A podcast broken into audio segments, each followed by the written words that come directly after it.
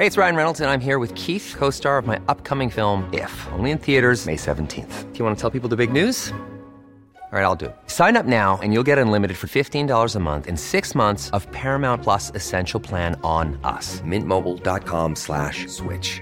Upfront payment of $45 equivalent to $15 per month. Unlimited over 40 gigabytes per month. Face lower speeds. Videos at 480p. Active Mint customers by 531.24 get six months of Paramount Plus Essential Plan. Auto renews after six months. Offer ends May 31st, 2024. Separate Paramount Plus registration required. Terms and conditions apply if rated PG.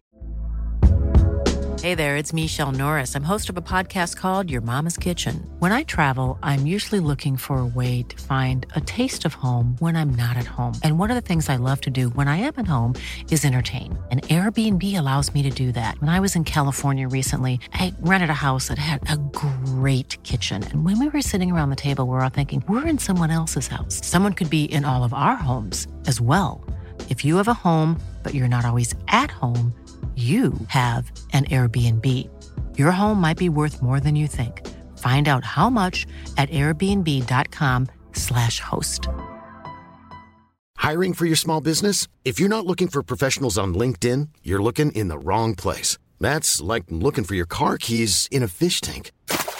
LinkedIn helps you hire professionals you can't find anywhere else, even those who aren't actively searching for a new job but might be open to the perfect role. In a given month, over 70% of LinkedIn users don't even visit other leading job sites. So start looking in the right place. With LinkedIn, you can hire professionals like a professional. Post your free job on linkedin.com slash people today.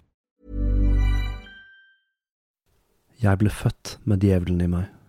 Jeg kunne ikke gjøre noe med det faktum at jeg var en morder, like lite som en poet kan motstå inspirasjonen til å synge.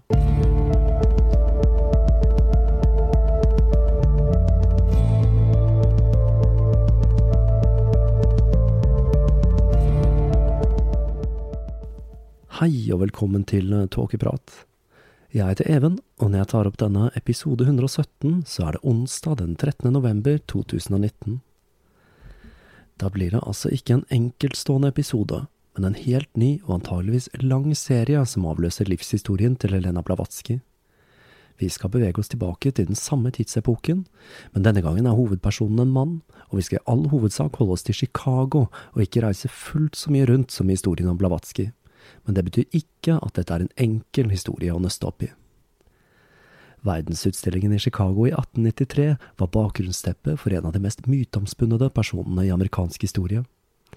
Mens utstillingen trollbandt en hel verden med sine hvite, opplyste bygninger, var det ikke bevegelige fortau og verdens første pariserhjul som skulle sette sitt merke på historien, men en sjarmerende doktor med et meget spesielt hotell. Jeg har i lengre tid hatt planer om å ta for meg en ny seriemorder, og det er mange å velge i, og det er mange gode kandidater.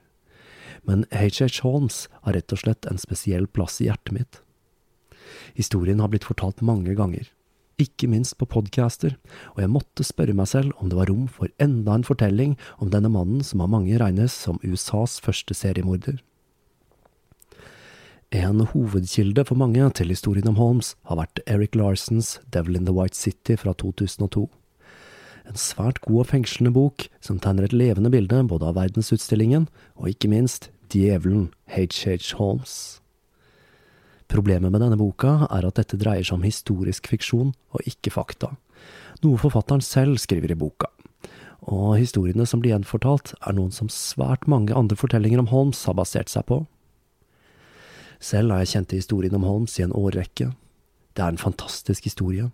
Om en mann som designet en bygning i det øyemed å drepe kvinner som kom på jakt etter lykken i Chicago, og lot seg lokke til mordpalasset til mannen med de blå øynene og den sjarmerende mustasjen. Det hele høres ut som et fantastisk mørkt eventyr som gir assosiasjoner til fortellinger som Sweeney Todd, og dessverre så er det akkurat det denne fortellingen er. Et eventyr og historien om Holmes gir meg tidvis assosiasjoner til den om Thomas Quick. I 2017 kom boka The True Story of the White City Devil av Adam Seltzer. Dette var en bok jeg virkelig ventet på, og som lovte å avsløre hvem denne mystiske bartemannen egentlig var. Og den innfridde. Etter å ha lest den, så bestemte jeg meg for at Holmes definitivt skulle bli et tema for tåkeprat. Men så gikk tiden, og jeg glemte litt bort historien om den egentlige Holmes. Så jeg har løyet litt for dere når jeg har sagt at dette er en historie om en av de mest myteomspunne seriemorderne der ute. For det er faktisk svært tvilsomt om denne mannen i det hele tatt kan omtales som en seriemorder. En svindler, ja. En luring, absolutt. Men antallet kvinner som besøkte verdensutstillingen, og som er dokumentert drept av Holmes, er det samme i dag som i 1895, nemlig én. Holmes levde i en periode da Vesten gjennomgikk store teknologiske forandringer. Da han flyttet til Englewood, hvor han bygde dette beryktede hotellet i 1886, var gasslykter blitt introdusert for kun fem år siden, og elektrisiteten var like om hjørnet. Man hadde fotografi og film, men avisene trykket fremdeles tegninger av fotografiene, og lydopptakere og avspillere var så dyre at de var utenfor menigmanns rekkevidde teknikker for rettsmedisinsk analyse som kunne ha gitt oss klare svar på hva som egentlig skjedde i denne historien, var også like om hjørnet, men ikke helt. Holmes opererte altså i en slags limbotilstand mellom den gamle og den nye verden, og historien hans er derfor en som består av spekulasjoner og rykter som har vokst seg til den historien vi kjenner til om mannen som kalte seg H.H. Holmes. Men bak historien om mannen som skulle ha operert en eventyraktig drapsmaskin av et hotell, så skjuler det seg en annen historie, som kanskje er vel så spennende og vel så fascinerende. For H.H. Holmes var en mann som gjorde det å svindle til en livsstil. Og det er faktisk noe eventyraktig over denne fortellingen, men kanskje ikke helt på den måten man har fremstilt det frem til nå. Adam Seltzer har gjort et glimrende kildearbeid for å nøste opp historien til Djevelen i den hvite byen og bildet han tegner er av en notorisk lystløgner og svindler, som til slutt, gjennom utallige gjenfortellinger, ble til historien vi kjenner til i dag. Så i denne serien skal jeg presentere en litt annen versjon enn hva dere true crime-fans er vant til. Selv om historien fremdeles har en god dose groteskerier, og man kan lese mellom linjene at Holmes nok begikk et og annet drap som ikke er dokumentert. Groteskerier, ja, for eh, på 1800-tallet var det nemlig en stor mangel på kadaver til obduksjon i USA, og det var stor rift om å få de som var tilgjengelige.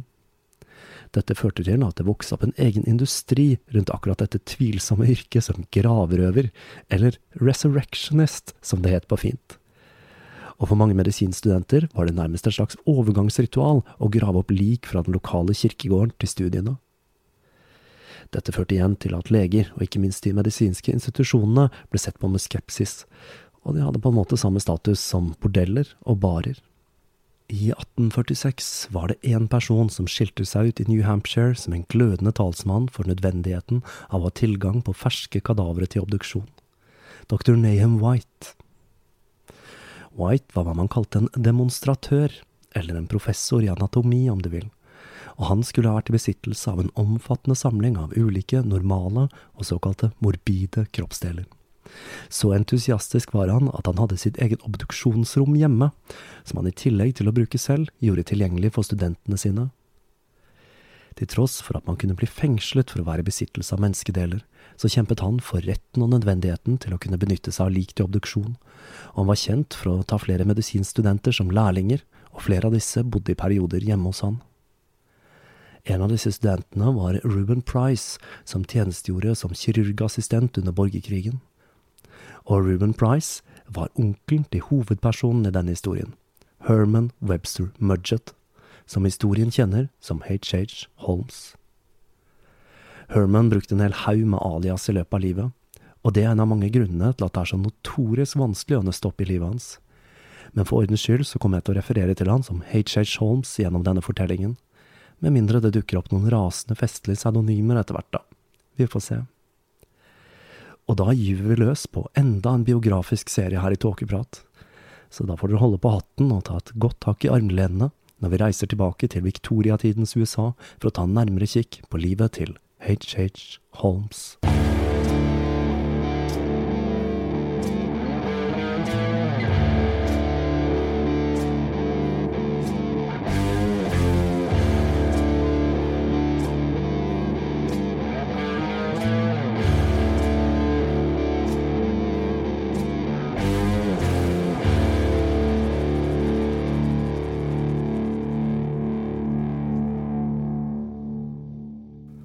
Herman Mudgett var sønnen til Levi, en maler og postansatt, og Theodate Mudgett.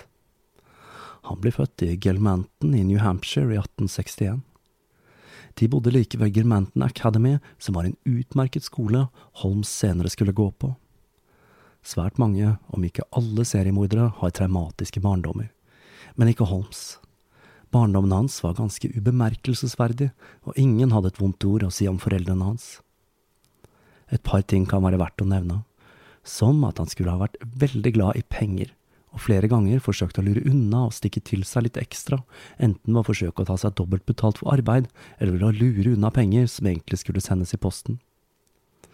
Han var en ensom ulv, og kom ikke spesielt godt overens med andre barn. Voksne derimot likte han svært godt, fordi han var høflig og veloppdragen. En annen karakteristikk for Holmes som er verdt å nevne, er at han blir beskrevet som å ha virket nervøs, og at han aldri så noen rett i øynene. Dette er en ganske naturlig forklaring. Holmes var nemlig sjeløyd, noe som naturlig nok gjør at det er svært vanskelig å få øyekontakt. Senere i livet skulle mange vitner si at nettopp dette at han ikke så dem i øynene, var et bevis på at mannen var kriminell. Her ser vi litt av den typen tung bevisførsel som ble brukt mot Holmes senere, altså. Når Holmes ble kjent, så var det en rekke spekulasjoner om at han kunne ha startet sin seriemorderkarriere allerede i tenårene. Det ble blant annet spekulert i om han sto bak drapet på en Mr. Beck, som hadde giftet seg med en av Holmes' onklers enke like før han døde. Denne Beck ble funnet hengt i huset sitt, og ryktene i 1890 sa at det ble mistenkt at dette dreide seg om et drap. Men dette stemmer ikke. På 1870-tallet var det ingen som så på dette åpenbare selvmordet som et potensielt drap. I det store og det hele til tross for at gutten var sjeløyd og glad i penger, så var det lite spesielt i oppveksten hans. Men i tenårene så skjedde noe som skulle markere starten på en annen del av livet, der Holm skulle utmerke seg, nemlig i sitt forhold til kvinner. I løpet av livet skulle Holmes gifte seg tre ganger, og det er mye som tyder på at det var enda flere kvinner som anså seg selv som gift med Holmes. Men tingen er den at han skulle gifte seg allerede i tenårene, dette ekteskapet skulle aldri oppløses, så alle de andre ekteskapene han inngikk, var ugyldige. Allerede i 14-årsalderen så fridde han for første gang.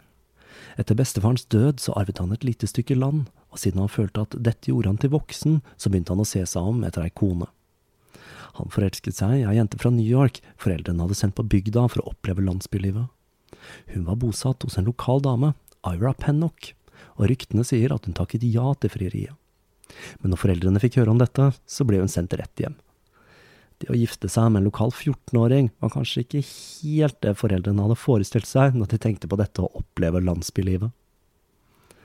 Fram til 16-årsalderen så jobbet han forskjellige småjobber, og ifølge han selv så underviste han også i skolen. Det er noe vi må ta høyde for i denne historien. Holmes var en notorisk løgner, og svært mange av uttalelsene hans må tas med en klype salt men det er nå engang slik historien går. Når han var 16, så møtte han Clara A. Lovering, og han falt pladask for den jenta som var godt likt i lokalsamfunnet. Hun på sin side viste en viss begeistring for den unge Herman. Historien går slik at det ble et par under en kirkedans. Holm skulle ha blitt sjalu på en annen gutt Clara flørtet med, og han hadde utfordret han fra midten av kirkegulvet foran forsamlingen som var til stede. Den unge mannen ble redd og forlot tilstelningen, og Holmes eskorterte Clara hjem. Og allerede neste dag så fortalte han vennene sine at de to var blitt forlovet. Da må jeg skyte inn at det store sjekketrikset på denne tiden var nettopp giftermål. Og vi vil se igjen og igjen at Holmes benytter seg av nettopp dette, enten for å forsøke å lokke damer til sengs, eller for å slå kloa i pengene deres. I løpet av det neste året var Holmes en konstant tilstedeværelse i hjemmet til familien Lovering og den 4. juli 1878 så giftet de to seg i hemmelighet. Når dette til slutt ble kjent i de to familiene, så var det ikke akkurat til jubelrop. Holms mor skulle ha sagt til han, hun kunne ikke ha gjort et stort dårligere valg, og hun kommer mest sannsynlig til å måtte forsørge deg. Klara sin familie var heller ikke akkurat hoppende glade for ekteskapet, men for at han skulle være i stand til å forsørge sin kone, så skaffet hennes onkel han en jobb i en kolonialhandel i East Concord. Og det var der han jobbet når Clara fødte deres sønn, Robert. Men lønna han fikk i kolonialhandelen var ikke nok til å finansiere et bosted for de to og deres sønn, så de to bodde hos foreldrene sine. og Holmes gikk en og en halv mil til Claras hjem hver lørdag kveld og var der til søndag. Laura Young, Claras kusine, sa i vitnemål etter det ble kjent at Holmes hadde giftet seg med flere kvinner, at hun trodde at Holmes var oppriktig glad i Clara, og at han nok bare hadde giftet seg med de andre på grunn av penger. Laura skulle etter hvert bli godt kjent med Holmes, og en dag betrodde han seg til henne og fortalte at han var altfor skarp til å jobbe i en kolonial på landet. Han fortalte at han hadde bestemt seg for å studere medisin, og at det var store penger i dette faget. Spesielt hvis man utviklet en patentbeskyttet medisin, fortalte han. Så Holmes sluttet i jobben og dro til Gilmanton for å studere medisin under dr. White, som er den samme dr. White som vi husker som han som var litt i overkant entusiastisk når det gjaldt obduksjon av lik. Når Holmes fortalte om sitt forhold til White 20 år senere, så skulle han beskrive denne mannen, som var 50 år eldre enn han selv, som sin beste venn. Og siden White var så glad i obduksjoner, så kan vi vel være ganske sikre på at Holmes ble grundig instruert i dette faget. Etter et år i læra så begynte Holmes å studere medisin i Burlington, Vermont, hvor han ikke utmerket seg på noen spesiell måte i det hele tatt. Han var rett og slett en helt middelmådig student. Han hadde et rom i gjestehuset til Mrs. Thomas Brew på Colchester Avenue, som han delte med Fred Ingalls, som også var en tidligere student av dr. White. Og de to kom ikke godt overens. Holmes ba innstendig om at Fred ikke ikke skulle fortelle noen at han var gift. Fred sa at eh, jo da, det er helt ok det, så lenge han oppførte seg som en gift mann. Men det klarte ikke Holmes. Og når han forsøkte å sjekke opp datteren til Mrs. Brew, og det til og med ble snakk om en forlovelse, så fortalte Fred at Holmes var gift. Og dette gjorde at forholdet mellom de to ble enda mer betent. Men det som skulle føre til faktisk håndgemeng mellom de to, var noe som var herlig viktoriansk. Fred hadde nemlig tjuvlånt litt av bartevoksen til Holmes, og det var dråpen som fikk begeret til å renne over.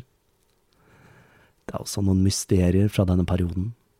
For eksempel så pleide Holmes alltid å drikke et glass vin med en eldre enke fra nabolaget som ikke hadde noen andre venner. Og selv om ingen helt visste hvorfor han gjorde dette, så antok man at han var ute etter pengene hennes. En annen merkelig ting han drev med, var hobbykjemi. Han hadde skaffet seg en privatlærer i kjemi, og gjorde om deler av rommet sitt til et laboratorium. Mrs. Brew var svært bekymret for dette, og hun sa at hun var redd han kom til å ta livet av dem alle sammen. Men Holmes forsikret henne om at han visste hva han drev med. Dette var nok det første forsøket på å lage denne patenterte medisinen han drømte om ville gjøre han rik, tenker jeg. I tillegg så kunne Mrs. Brew fortelle at Holmes var spesielt entusiastisk når det gjaldt obduksjon av lik, han pleide å fortelle historier om obduksjonene i gjestehuset, og ved en anledning så tok han med seg arbeidet hjem. En dag når Mrs. Brew skulle feie rommet, så merket hun en stram lukt som kom fra sengen i Holmes' rom. Hun kikket under, og der lå det en mørk bylt. Ved hjelp av feiekosten så klarte hun å fiske ut den illeluktende bylten, som viste seg å være et dødt spedbarn Holmes hadde tatt med seg hjem for å drive med litt hjemmearbeid. Mrs. Brew ga Holmes streng beskjed om aldri å gjøre noe slikt igjen, og sjokket over å finne det døde spedbarnet gjorde at hun ikke orket å nærme seg rommet på flere uker. Og denne historien om det døde spedbarnet ser faktisk ut til å ha vært sann, men det er en annen historie fra denne perioden som er litt mer tvilsom. En viss dr. Gray skulle ha amputert foten til en pasient som hadde fått koldbrann, og Holmes skulle ha spurt om å få denne foten, og han skulle ha brukt den i undervisningsøyemed til Gilmanton.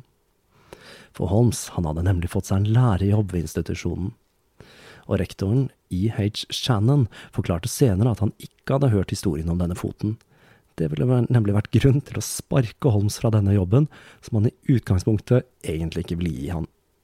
For uh, Holmes hadde først fått avslag når han søkte denne jobben. Men når han blitt avvist, så hadde han brutt ut i tårer og forklart at han var avhengig av å få den for å kunne forsørge sin kone og sønn. Og motvillig så hadde Shannon ansatt han. I løpet av året så rant det inn med klager på Holmes, men ingen av dem handlet om en avkappet fot. Men til tross for mangel på avkappede føtter, på slutten av året så bestemte Shannon seg for at nok var nok, og Holmes fikk sparken. Noe som førte til at han skrev et tisiders avskjedsbrev der han sverget at han skulle hevne seg.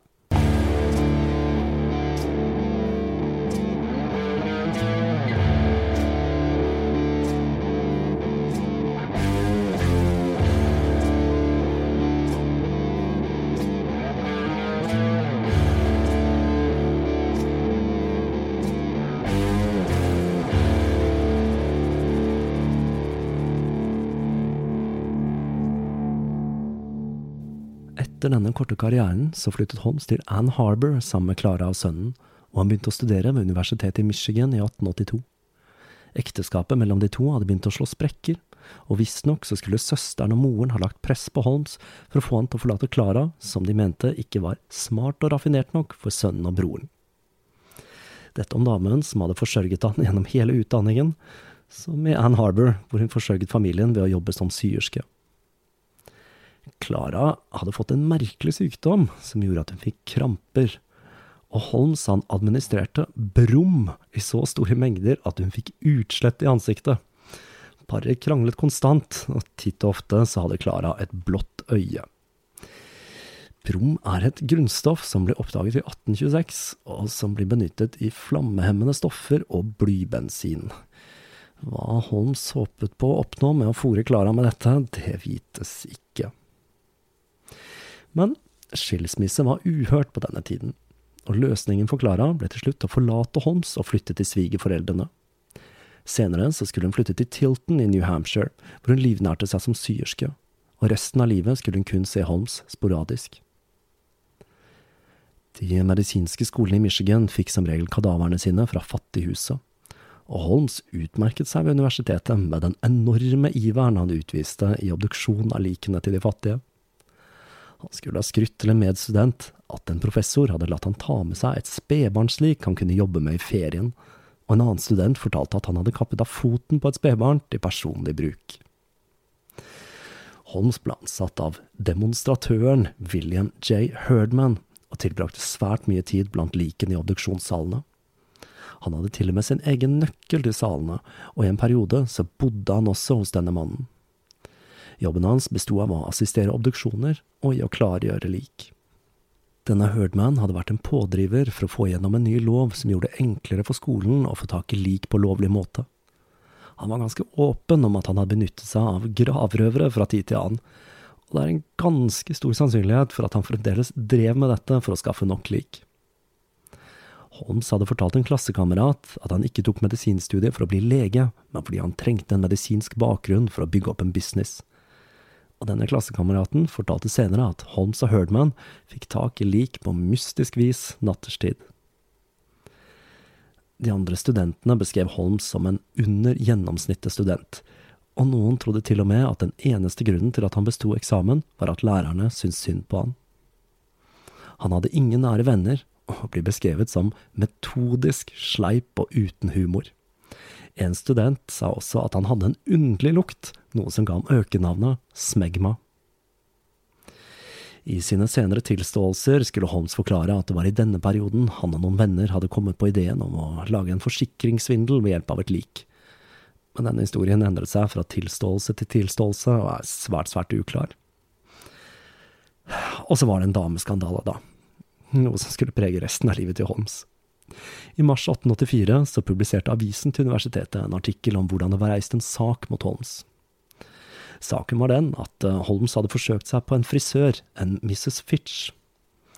Til tross for at han allerede var gift, så hadde han fridd til henne, men eh, Mrs. Fitch fant et brev Holmes holdt på å skrive til sin kone, og da anmeldte hun han for løftebrudd, noe man da tydeligvis kunne gjøre på denne tiden.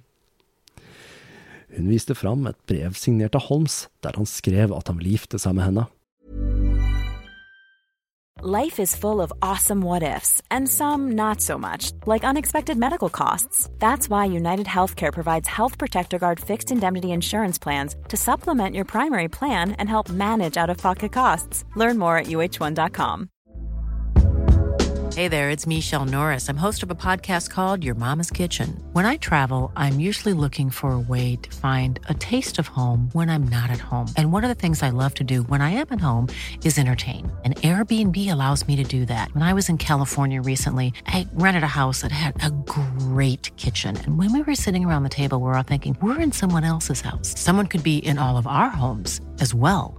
If you have a home, but you're not always at home, you have an Airbnb.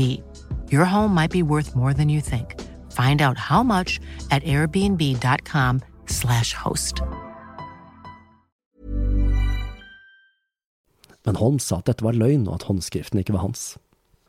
Herdman forsvarte Holmes, og spøkte med at en som tilsynelatende var så lite opptatt av det motsatte kjønn som Holmes, neppe ville finne på noe slikt.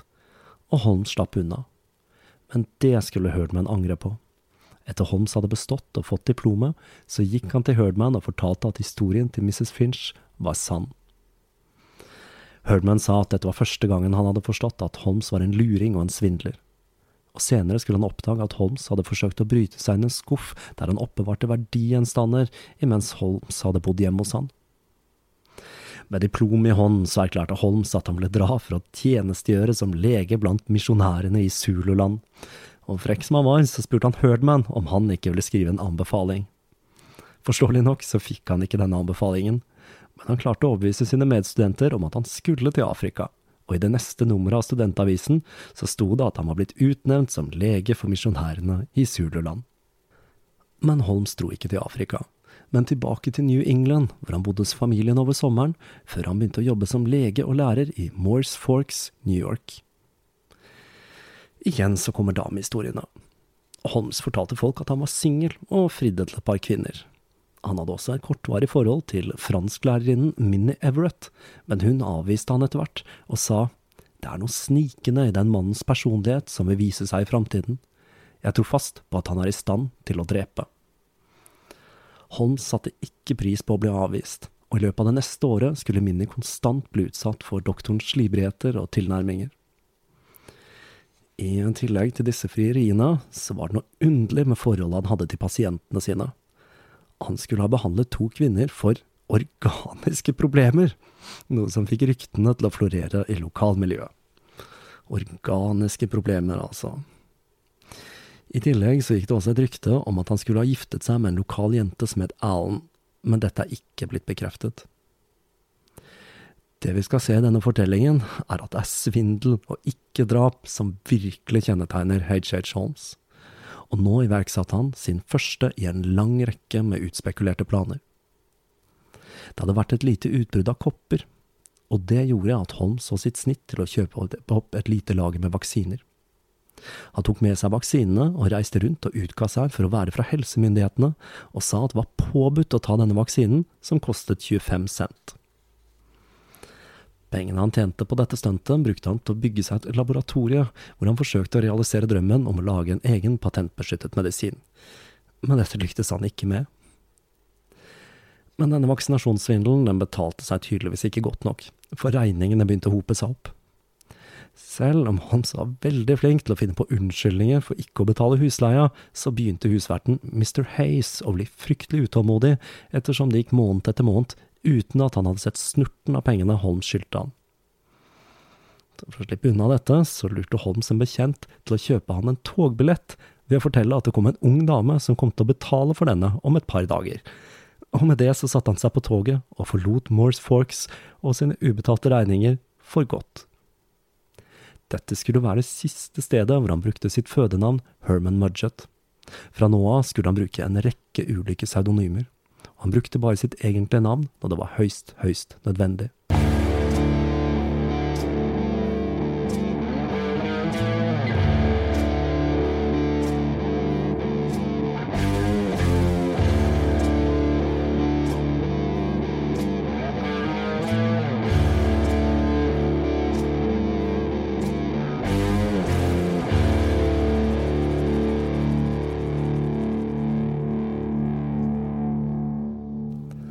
Høsten 1885 var Holmes blakk, og som Hamsun så gikk han rundt og sultet. I Norristown, Pennsylvania ble han så desperat at han oppsøkte den lokale politistasjonen og fortalte at han var så sulten at han vurderte å ta livet av seg. Politiet forbarmet seg over han, og han fikk sove i en celle fram til de klarte å skaffe han en jobb ved det lokale mentalsykehuset. En jobb som skal ha vært svært ubehagelig. Holmes fortalte at han hadde mareritt i årevis etterpå som en følge av hva han hadde sett der eller Holmes, da, eller hva han skal kalle han, for nå kalte han seg selv for Howard, og han fortalte at han var fra Texas, og at faren hadde vært oberst i hæren til sørstatene under borgerkrigen. Ifølge Holmes så var det i denne perioden han og en bekjent la en plan for forsikringssvindel. De skulle skaffe til veie tre lik og få en tredje person til å tegne en stor livsforsikring. Så skulle denne personen sende sin kone og datter vestover, hvorpå han skulle skrive et selvmordsbrev der han skrev at han hadde drept og partert sin kone og datter i fylla, og at han ikke orket å leve mer, før han selv skulle dra vestover med kone og barn. Forsikringspengene skulle så tilfalle en slektning, som jeg ga ut ifra skulle være Holms eller makkeren. Holms skulle ha klart å skaffe til veie et lik han parterte og delte opp i to tønner men etter hvert så forsto han at denne typen svindel var noe forsikringsselskapene var svært obs på, og han forkastet planen. En av disse tønnene skulle ha endt opp i Chicago, og kan være med på å forklare hvorfor det ble funnet beinrester i kjelleren hans etter han ble tatt. Noe moderne rettsmedisin nok kunne ha gitt oss et fullgodt svar på. I mai 1886 flyttet Holmes til Chicago, og på en eller annen måte så klarte han å få en farmasilisens, for da å kunne drive et apotek. Hvordan han besto denne tre lange, dager lange prøven for å få den lisensen, det er høyst usikkert, ettersom mannen aldri hadde studert farmasi. Det var også nå han for første gang skulle bruke sitt mest kjente alias, Harry Howard Holmes. Hvorfor han valgte akkurat dette navnet, er ikke kjent. Senere biografer har antydet at dette skyldtes Doyles Sherlock Holmes, men denne fiksjonelle karakteren skulle ikke se dagens lys før ett år etter Holmes brukte dette navnet for første gang syns vel det låt bra med Holmes. Og det må vel sies at det er jo en viss schwung over det navnet. Og så, og så giftet han seg igjen. I løpet av tiden i Chicago skulle Holmes benytte seg av en rekke ulike advokater, hvorav mange etter hvert nektet å ha noe mer med han å gjøre, fordi han åpenbart var en kjeltring. Advokaten han benyttet seg av i den første saken, som var noe som så ut som et forsøk på å skille seg fra Clara, var Wharton Plummer en han ikke skulle bruke noe mer før han hadde jobbet seg gjennom et par andre advokater. Plummer ble den faste advokaten til Holmes i 1891, og han var nok mest sannsynlig med på Holmes mange svindler. Mot slutten av 1886 så eh, søkte altså Holmes om skilsmisse, noe han sa han gjorde fordi Clara hadde vært utro med en Mr. J.M. Downer. I denne saken, som falt fra hverandre etter kort tid, da denne Mr. Downer var ingen plass å finne, brukte Holmes for aller siste gang Herman V. Mudgett i offentlig sammenheng. Og etter denne saken, som mest sannsynlig Clara aldri hørte om, så brøt han all kontakt med familien i lengre tid, og de begynte å lure på om han var død. Og det var enda en ting som ikke helt stemte med dette påståtte forsøket på skilsmisse.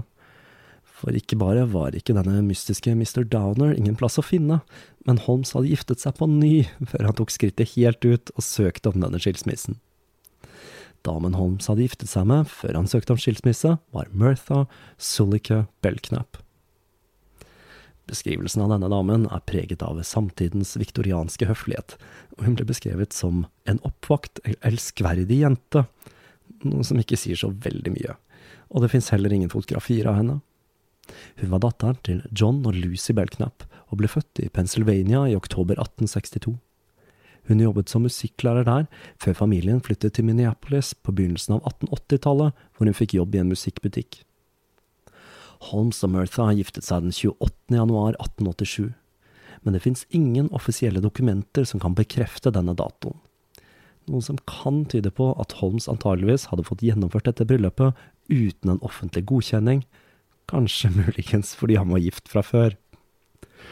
Mirtha skiftet navn til Mirtha Seth Holmes etter de giftet seg, og hun skulle beholde dette navnet resten av livet, selv etter at hun fant ut at dette ikke var hans egentlige navn. Og med ekteskapet med Mirtha så begynte hva som skulle bli en spektakulær tirade med svindler i Chicago. Holmes kjøpte en eiendom i Englewood i Mirthas navn, og endret etter hvert skjøte, slik at det så ut som om det var hans svigermor, Lucy T. Pellknapp, som eide tomta. Eierskapet til denne tomta skulle forandre seg titt og ofte i årenes løp, ettersom Holmes forsøkte å styre unna kreditorene. Og det var på denne tomta han skulle bygge bygningen han er mest kjent for, og som senere skulle bli kjent som Mordpalasset.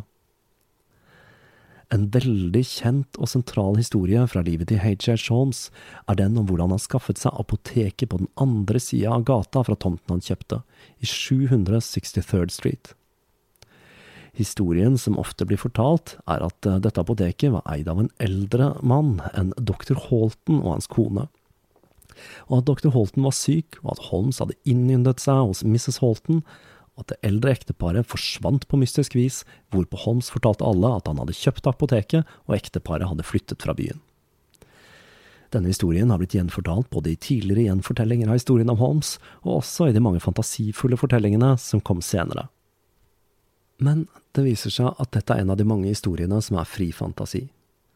Ingen i samtiden fortalte at Holton-paret hadde forsvunnet, og dette dreide seg slett ikke om et eldre ektepar, og det var ikke mannen som var legen, det var kona. Apoteket var eid av Elizabeth Sarah Holton, som var i 20-årene når Holmes kjøpte apoteket fra henne.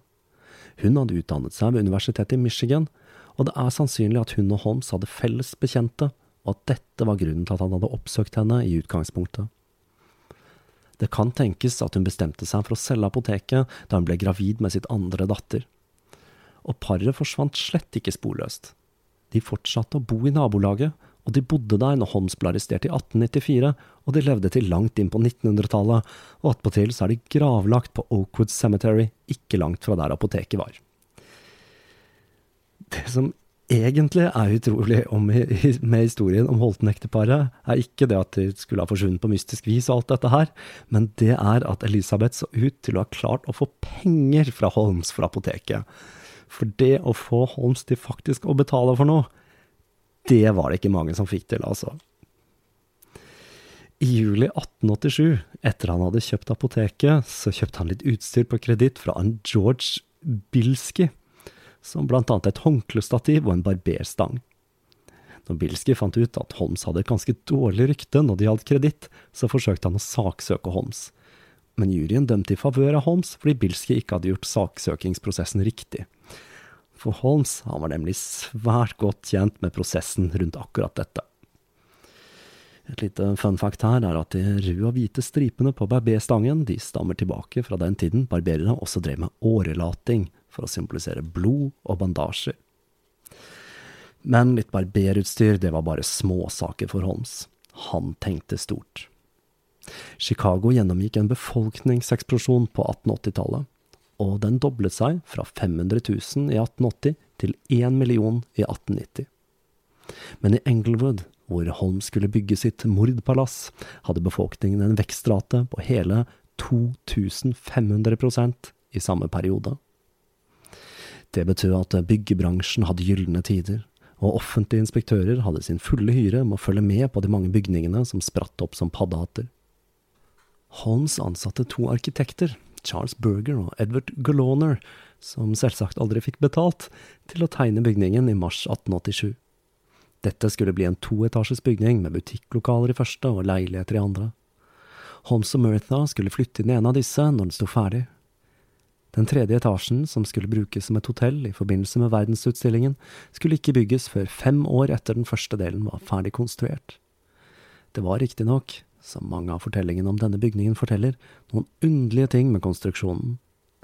For eksempel så var det et hemmelig rom mellom første og andre etasje bak apoteket som ble bygget der, og en hemmelig trapp som gikk derfra opp til et bad i andre etasje. Men sannheten er at disse ikke var så veldig hemmelige, og alle som jobbet i apoteket kjente både til rommet og trappen, og rommet ble til og med benyttet til overnatting av ansatte. Det rommet og trappen derimot var veldig nyttig til, var når Holmes skulle unnslippe kreditorene sine.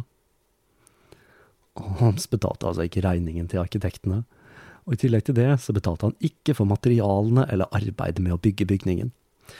Han forsøkte å vri seg unna på ulike vis, som ved å påpeke at tomta var svigermorens, og ved å påstå at det var feil på enkelte av materialene han hadde kjøpt men til tross for manglende evne eller vilje til å betale regninger, så sto bygget klart med et nytt apotek i første etasje i slutten av 1887. Og når kreditorene begynte å banke på døra våren 1888, så hadde Holmes, Murtha og svigermoren bosatt seg i leilighetene over. Den 4. juli 1889 fikk Holmes en datter med Murtha, som de døpte Lucy Theodate Holmes. Herlig familieliv i Englewood der, altså. Men Holmes ga seg ikke med å svindle arkitekter og bygningsarbeidere, han hadde flere jern i ilden. En av favorittsvindlene hans var å selge en type bonuskort som skulle gi 10% rabatt hos visse forhandlere, noe de selvsagt ikke gjorde. Han var så glad i å kjøpe ting på kreditt og selge de videre uten å betale for varen. Han var spesielt glad i sykler, og han pleide å leie disse, for så å selge de videre. Det samme gjaldt spilledåser, og hele Englewood ble snart rent ned av billige sykler og spilledåser. En spesielt fornøyelig historie er når han en gang kjøpte en safe på kreditt. Og når selgeren innså at han aldri kom til å betale for denne, så troppet han opp og forlangte å få den tilbake. Holm sa at det kunne han godt, men da måtte han få tak i den uten å skade bygningen. Safen var nemlig bygget inn i første etasje, og det skulle vise at det var umulig å fjerne denne uten å skade bygningen, og selgeren måtte dra med uforrettet sak. Dette dreier seg mest sannsynlig om den berømte walk-in-safen, som er kjent fra en rekke av historiene om Holmes. En ansatt fortalte en litt underlig historie om denne safen, og sa at Holmes en gang hadde bedt han gå inn i den, og etter Holmes hadde lukket døren, skulle han skrike alt han kunne for å se om lyden slapp ut. Når Holm slapp han ut, så skulle han ha sagt åh, jeg skulle ønske jeg kunne putte svigermor i safen når hun får sine anfall. Og det var kanskje ikke så rart at svigermoren fikk sine anfall, for i tillegg til å stå som eier av tomta til bygget, så brukte Holms navnet hennes til å skaffe seg kreditt. Det var ikke stort kreditorene kunne gjøre, for i tillegg til å bruke navnet til svigers, så kvittet han seg med godset så raskt som mulig, slik at det var lite å hente når de kom for å ta tilbake tingene de hadde solgt ham. I tillegg så hadde han jo sin hemmelige trapp og sitt hemmelige rom, og han skulle også ha vært i besittelse av en stor samling med forkledninger, med løsskjegg og det hele. Holmes tenkte altså stort. Det var ikke nok med hotell og småsvindel for han. Faktisk så kunne han ha gjort en god fortjeneste med apoteket og utleie av rom alene. Men det var noe mer som drev Holmes. Han var ambisiøs, og han hadde svindel i blodet. Og det var to svindler som utmerket seg veldig fra denne perioden. Den ene var et mineralvann han solgte. Dette var et blåfarget vann som skulle være spesielt sunt, og som skulle til og med ha helbredende evner. Dette var det nærmeste Holm skulle komme sin gamle drøm om å lage en patentert medisin. Og dette dreide seg ikke om noe annet enn springvann tilsatt blåfarge. Den andre svindelen var enda mer spennende. Holmes hadde en metalltank i kjelleren, som ved hjelp av ulike kjemikalier produserte merkelig fargede gasser og lukter. Holmes fortalte at dette var en maskin som kunne omdanne ordinært vann til gass, og at han ikke lenger var avhengig av å kjøpe offentlig gass. Han fikk til og med gassleverandøren til å bli interessert i denne fantastiske maskinen, og de sendte en inspektør til Holmes som studerte dette merkelige apparatet en ukes tid. Denne maskinen var selvsagt ikke annet enn en svindel fra Holmes, som hadde koblet den direkte til byens offentlige gass. Det er litt sprikende versjoner av hva som skjedde med denne gassgeneratoren. I en versjon så måtte Holmes til slutt betale for gassen han hadde stjålet, og i en annen som ikke ble fortalt av Holmes selv, noe som gjør den mer troverdig, så fortsatte han å stjele gass, og klarte å lure til seg tusenvis av dollar ved å tilby gassleverandøren patenten til mirakelmaskinen. Når Holmes eh, solgte apoteket på den andre siden av gaten, så var dette selvsagt også en svindel. Han solgte det først til en Ned Connor i 1890, og senere til en A.L. Jones i 1891. Når Jones kom for å se på apoteket, og for å sjekke ut hvordan omsetningen var, så fikk Holmes sine ansatte til å handle der for å kjøpe de dyreste og mest eksklusive varene. I tillegg så kjøpte han en hel haug med ting selv. Jones var storfornøyd med å få kjøpt et så lukrativt apotek, og han klamret seg til sin nye forretning, selv når kreditorene begynte å strippe den for alt inventaret Holmes ikke hadde betalt for. Til syvende og sist så så han seg nødt til å selge, og han flyttet fra Englewood for godt. Det var mens Jones' desperate forsøk på å få apoteket til å gå rundt, at Holmes muligens utførte sitt første drap. Den 18. april 1891 kom John Dubrail, en investor og medeier i Holmes' bygning, til apoteket. Idet han skulle gå inn i bygningen, så falt han om, og ifølge et vitne skulle Holmes ha kommet løpende ut av apoteket og helt en mørk væske i munnen til John, hvorpå han døde. Holmes skyldte nemlig mannen tusenvis av dollar. Men om dette var et drap for å unnslippe gjeld, så hjalp det ikke. Gjelden gikk i arv, og rettssakene fortsatte lenge etter Holmes selv hadde avgått med døden.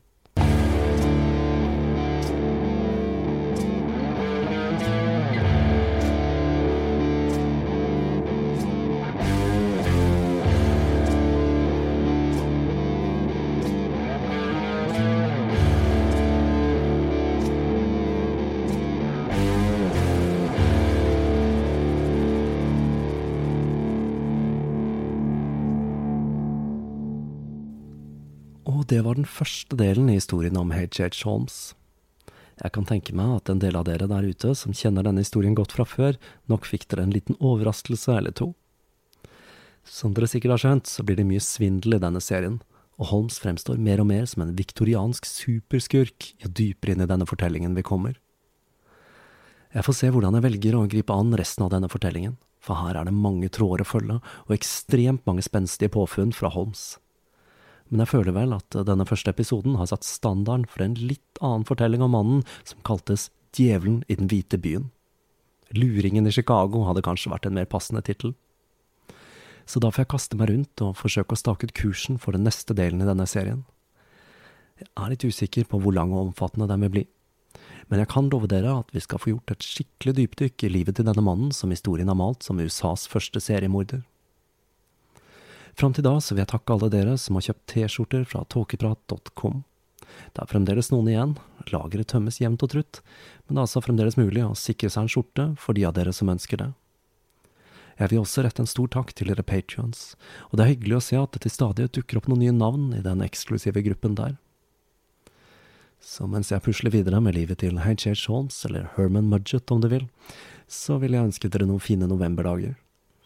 Jeg må si at jeg undres hvert år over hvorfor det blir så fullstendig kaos her på Østlandet med det første snøværet hvert eneste år. Det er rett og slett en liten gåte for meg hvordan man ser ut til å glemme at vi lever i et vinterland. Men sånn er det nå bare. Så fram til neste episode så får dere passe dere for mystiske bartemenn med gassproduserende apparater og blå mirakelvæsker. På gjenhør.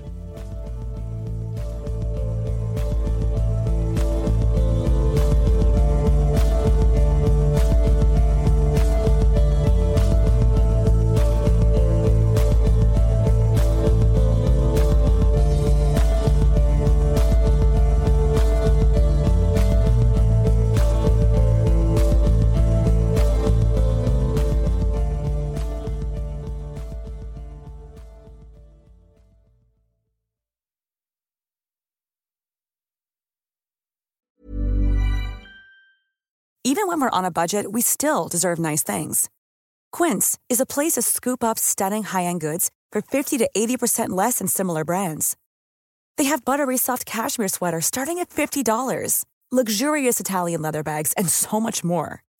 Plus, Quince only works with factories that use safe, ethical, and responsible manufacturing. Get the high-end goods you'll love without the high price tag with Quince. Go to quince.com/style for free shipping and 365-day returns.